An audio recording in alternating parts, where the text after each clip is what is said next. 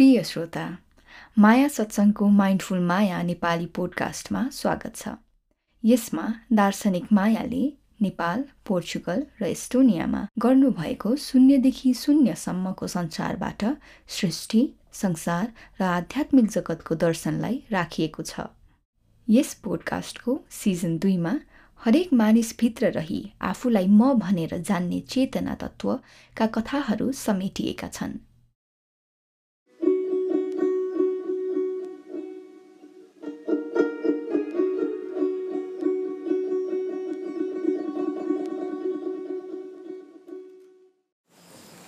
कार्लियोङ सानै थिए रे र बिरामी परिरहन्थे। बेहोस भएर ढलिरहन्थे र यसरी स्कुल पनि जान सक्दैनथे र स्कुल जाने भन्ने कुराले त झन् उसलाई बिरामी बनाउँथ्यो जब ऊ आफ्नो घरमा एक दिन बसिरहेको बेलामा यसरी स्कुल जान नपाएको बेलामा नगएको बेलामा र यतिकै ओरल दोरल यताउता घुमफिर गर्ने। यस्तो बानी बन्दै गएको थियो। यसको अवस्थाले उसको बुवा चिन्तित हुनुहुँदो रहेछ। र एक दिन कार्लियोङ घरमा बसिरहँदाखेरि बुवाका साथीहरू आइपुग्छन् र युङले हेरिरहेका हुन्छन् के कुरा गर्छन् सुनिरहेका हुन्छन्। उनको बानी नै सुन्ने थियो। एकदम चनाखो भएर आफ्नो वरपरको घटनालाई हेर्ने आफ्नो वरपरको मात्र नभएर आफ्नो सपनाको पनि घटनालाई हेर्ने र विश्लेषण गर्ने गर्थे। सानैदेखि नै।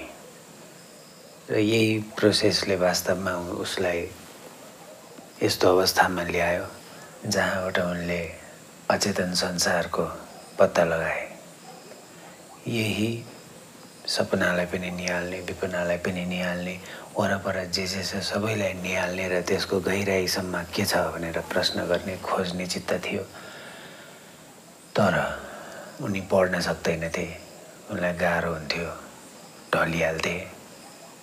र यस्तै साथीहरू आउँदाखेरि यस्तै कुरै कुरामा बुवाको साथीले बुवालाई सोध्छन् युङको के छ त खबर? के गर्दैछन् त उनी? ठिक भयो कि भएनन्? त्यो बेलामा बुवाले भनेको कुरा कालियोङलाई एकदमै गहिरो रूपमा छाप लाग्छ। बुवाले के भन्नुहुन्छ भने खै यस्तै छ। कसरी यसले आफ्नो जीविकोपार्जन गर्ला? कसरी आफ्नो जीवन धान्ला? भनेर चिन्तामा परेको छु। कालिम्बले यो सुनिसके पछाडि उनलाई साँच्चीकै नै झट्का लाग्यो उनले यो देखे कि पृथ्वीमा त ओहो बाँच्नको लागि त केही गर्नुपर्छ। केही न केहीमा त स्किल लिनैपर्छ फेरि उनलाई सानैदेखि ठुलै मान्छे बन्नुपर्छ भन्ने इख पनि थियो। कि त साइन्टिस्ट कि त लयर कि त मेडिकल डक्टर यस्तै के बन्ने उनको इच्छा थियो। त उनले यो घटनापछि घोटिएर पढ्नतर्फ लागे कि बिस वर्षमा अब ऊ कहाँ पुग्थ्यो उसले त्यो देख्यो। त्यस पछाडि त्यो अवस्थामा बिस वर्षमा हुँदा बिस वर्षपछि कहाँ हुन्छ ऊ त्यो देख्यो र त्यो बिस वर्ष पछाडि कस्तो हुने आजै देखेर आजै लागि पर्यो त्यही अवस्थादेखि नै सुरु गर्यो। त्यस पछाडि त्यस पछाडि उनीमा गहिरो परिवर्तन आउन थाल्यो। सुरु सुरुमा त ढल्थे रिङ्गटा लाग्थ्यो बेहोसी हुन्थे। फेरि हिम्मत गरेर बाँच्नै पर्छ केही गर्नै पर्छ। यो लिएर मनमा पढेको पढाइ गर्थे। र यही आँटले दुईवटा कुरा आफैले आफैलाई साबित गराए कि विल पावर यति शक्तिशाली हुँदो रहेछ कि उसले आफ्नो रोग पनि निको पार्न सके र उनी राम्रो विद्यार्थी पनि हुँदै गए। र यस अर्थमा राम्रो कि उनी स्कुलका कुराहरू त उनलाई सजिलो लाग्थ्यो लाग्थ्यो। उनी यथार्थका कुराहरूलाई पनि निहालिरहेका हुन्थे।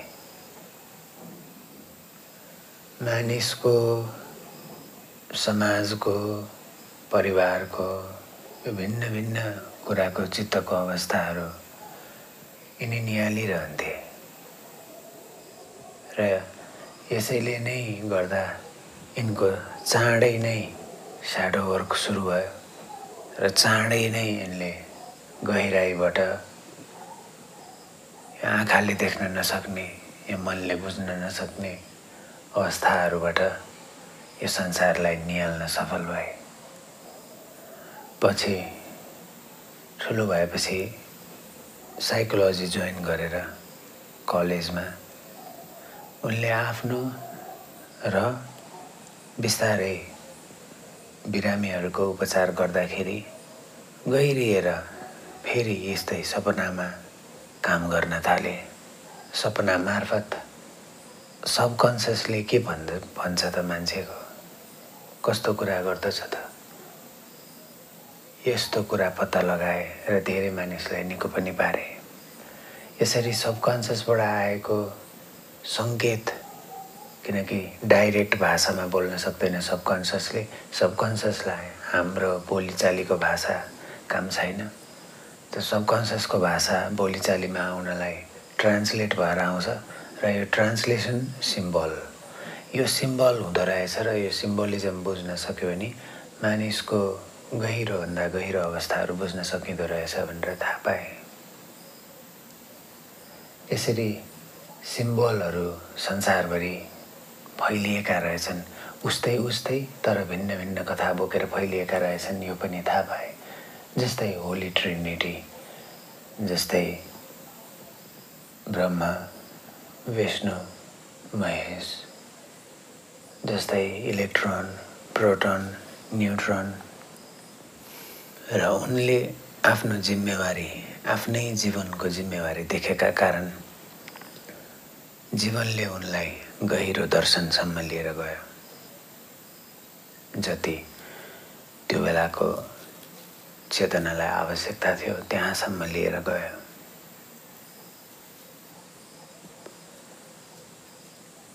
जिम्मेवारी जीवनको देखेर यात्रा सुरु गरिहाल्नेले छिट्टै धेरै पर पुगेको पाउँछ आफूलाई।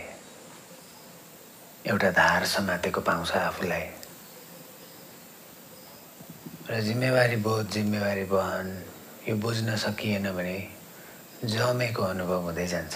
कहीँ नपुगेको केही नगरेको केही गर्न नसकेको केही हुन नसकेको। यस्तो अनुभवले छुन थाल्छ जम्दै गएपछि। यो पृथ्वीमा केही नगर्नु भनेको पनि केही गर्नु नै हो। त्यसले पनि बराबर ऊर्जा लिइरहेको हुन्छ। केही नगर्ने अवस्थाले पनि। केही नगर्दा पनि केही गर्दा पनि कर्म त भइरहन्छ। त्यसैले केही गरौँ जानेकोबाट सुरु गरौँ अथवा जानेको छैन भने इच्छा भएकोबाट सुरु गरौँ।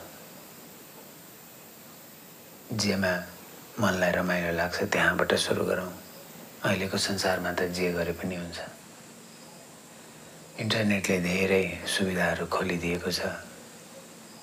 अपर्च्युनिटीहरू भिजनहरू आइडियाहरू खोलिदिएको छ। तर यो अस्तित्व यस्तो छ कि देखेको कुरालाई ट्याक्क रियालिटी बनाउनको लागि आफूले केही न केही गर्नै पर्छ। आफूले एक कदम चाल्नुपर्छ त अस्तित्वले दस कदम त्यसैमा चाल्छ। मान यो यस्तो हो कि हाम्रो एक पाइला हामी चालौँ कुनै पनि हामीले देखेको विचार हामीले चाहेको रियालिटी बनाउनको लागि त त्यो एक पाइला चाल्दाखेरि अस्तित्वबाट त्यति धेरै एनर्जी अस्तित्वले दिन्छ। र बिस्तारै ल अफ अट्र्याक्सन भनिन्छ। बिस्तारै चाहेको कुरा देखेको कुरा पुरा हुन थाल्छ। त्यही भएर कृष्णले भन्नुहुन्छ कर्म त गर्नै पर्छ। गर। यस्तो ठाउँमा गएर जहाँ तिमीलाई यस्तो लाग्छ कि तिमीलाई पनि आनन्द हुन्छ तिमीलाई पनि रमाइलो हुन्छ र त्यो सँगसँगै तिम्रो वरपरलाई पनि रमाइलो हुनसक्छ कर्म गर। त फलको आश नगर भन्नुहुन्छ। किनकि फल त अवश्य मिल्छ मिल्छ। कर्म अनुरूप नै फल मिल्छ। त्यो सोच्नै पर्दैन। किनकि फलतिर विचार गर्ने बित्तिकै भविष्यमा गयो। र वर्तमानमा अहिले र यहाँ हुन सकेन। पश्चाताप सोच्दाखेरि पास्टमा गयो र अहिले र यहाँ हुन सकेन। भविष्य सोच्दा फल सोच्दा भविष्यमा गयो अहिले र यहाँ हुन सकेन। त ताजा कर्म जे प्रेजेन्समा आवश्यकता छ त्यसको एक्सन कर्मयोग कर्मद्वारा योग हुने त्यसैले नै मानिसलाई स्वयंको केन्द्रमा लिएर आउँछ र ऊर्जा प्रदान गर्छ।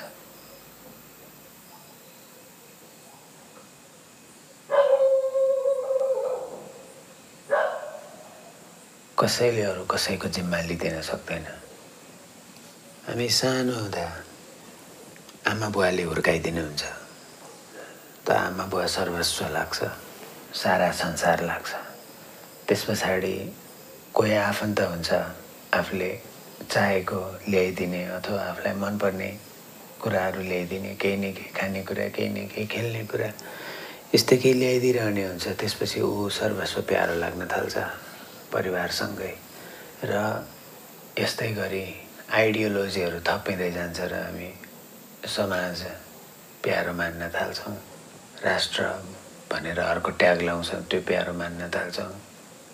र म यो परिवारको म यो जातको म यो देशको म यो ठाउँको फलानु त्यो ठाउँको त्यो जातको त्यो देशको।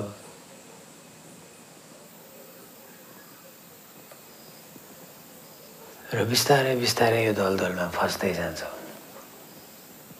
विभाजनको दलदलमा सानोमा केहीको डर छैन सधैँ सबै कुरा अरूले गरिदिएको छ सबै जिम्मेवारी अरूले अरूले लिइदिएको छ बुवाले आमाले दिदीले दाईले कसैले लिइदिएको छ कोही अरू भगवान् जस्तो लाग्छ बिस्तारै बिस्तारै सबैजनाले यो एक्सपेक्ट गर्छन् कि कोही हुर्कियोस् अब त केही गरोस्। अब त ठुलो होस्। के हो ठुलो हुने भनेको? यही अवस्था हो। आफ्नो जीवनको निड देख्नु र त्यसप्रतिको एक्सन सुरु हुनु। यसैलाई नै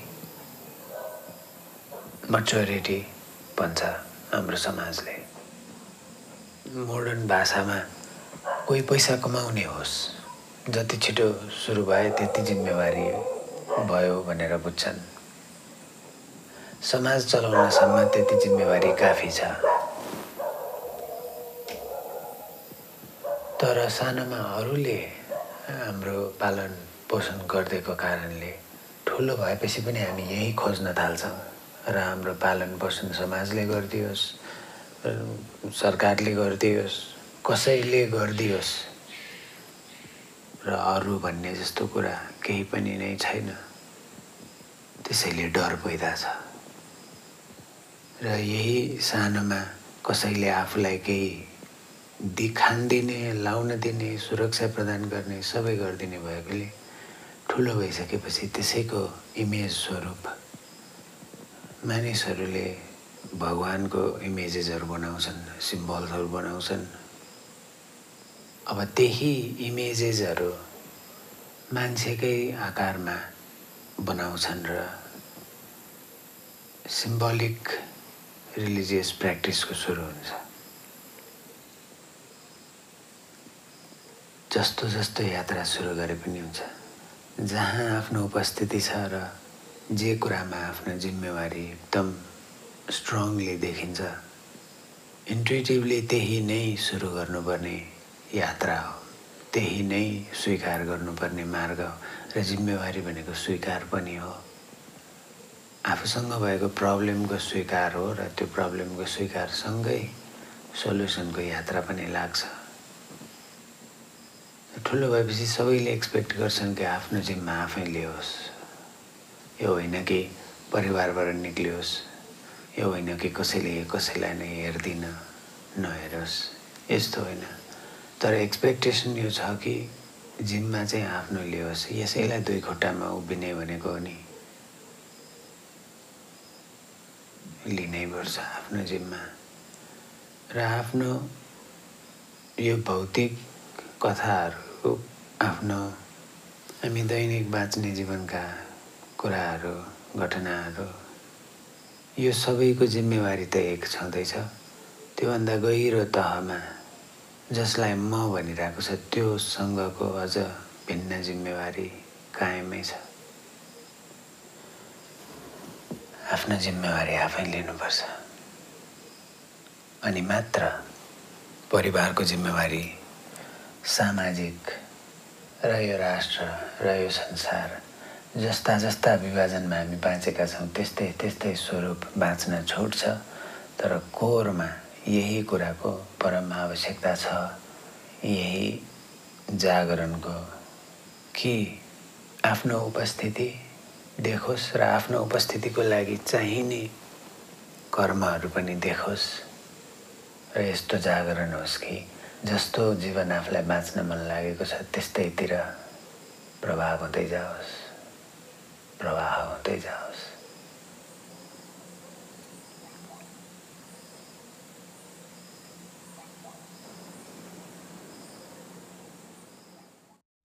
प्रिय मित्रहरू माया सत्सङ्गको फेसबुक पेजमा आफ्ना विचारहरू राख्न साथै हाम्रो पोडकास्टलाई आफ्ना साथीहरूमा सेयर गर्न नभुल्नुहोला। यी जीवन रूपान्तरण गर्ने वाणीहरूलाई धेरैको पहुँचसम्म पुर्याउन हामीले एक किताबको परिकल्पना गरिरहेका छौँ। सो कार्यमा पनि तपाईँहरूको साथ सहयोगको अपेक्षा राख्दछौँ।